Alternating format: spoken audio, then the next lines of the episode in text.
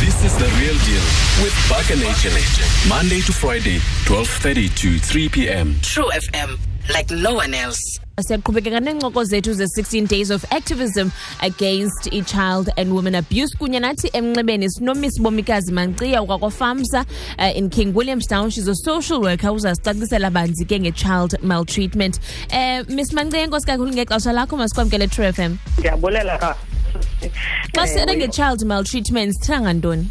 xa setha nge-child maltreatment sithetha ngezinto ezininzi like ukuneglecta umntana mm. nokumasolata umntana ngoba ufumanise into yobana umntana ukhulela kwii-situations apho bahlukumezekayo khona mhlawumbi kungenzeka into yobana mhlawumbi abazali abo babe bazoba eziyobisi then umntana ke ngoku angaphatheki kakuhle Mm, all right. Luxanduva likabani uqinisekisa into yobana ngaba umntana ukhuselekile because ufumaniseka into yobana eh they are young parents abantwana baye babe nabantwana ufumaniseka into yobana abanye abantwana okanye abanye abazali bayaphangela bakwazi uhoya abantwana whose responsibility is it kanye kanye ukuqinisekisa into yobana abantwana basafe eh irresponsibility yokubana umntana abe ukhuselekile ngumzali ekufanele into yobana abe uthatha ixanduva mm. mm. all right and in terms of um abantu ba-abuse okanye that maltreat children kunyanzelekile uba ibe ngumzali okanye can it be anyone who mistreats children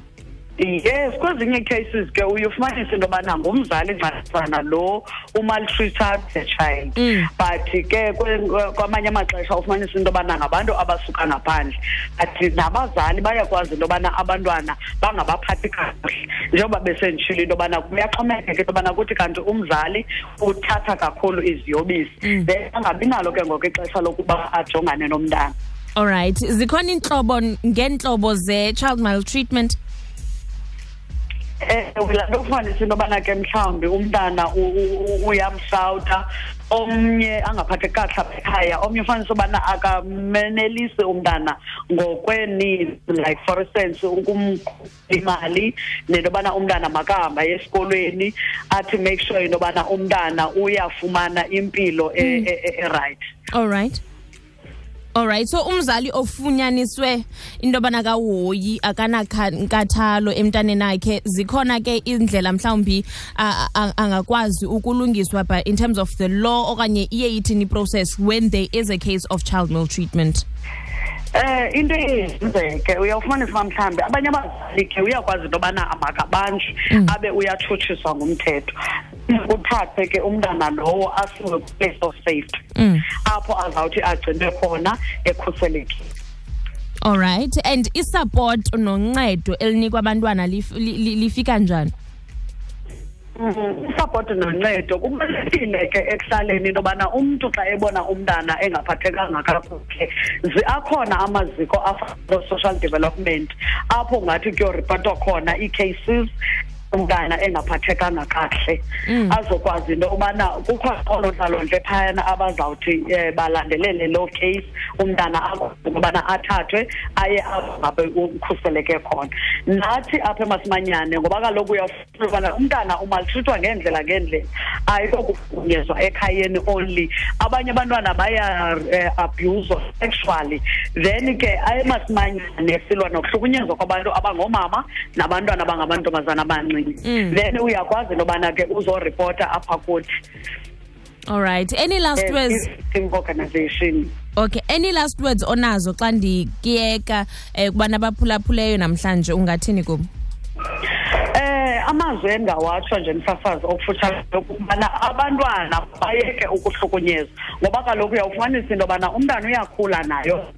iyamhlukumeza psychologically abantu abaninzi abazi-abusers namhlanje ngaba xa kusenziwa i-research okanye kusenziwa i-assessment kwawa bantu uyawufumanisa uba ngabantu ababehambe ezi ndlela zoba baye babehlukunyeziwe before so bafune ke ngoku uyipractiza kwiifemelizi zabo ofishi laa nto ihamba ihambe ke ngoku imele ufumane ke ngoku sesinee-families ezingafunkshini kakuhle ngenxa ye-background yokukhula kwabo mm. so sisibantela uxanduva lwethu ekutheni senze sure into yokubana i-violence against women okanye i-violence against children phofu nabani na i-violence akuvumelekanga into yokubana masibe siyayenza luxanduva lomntu wonke osekuhlaleni nakwilizwe liphela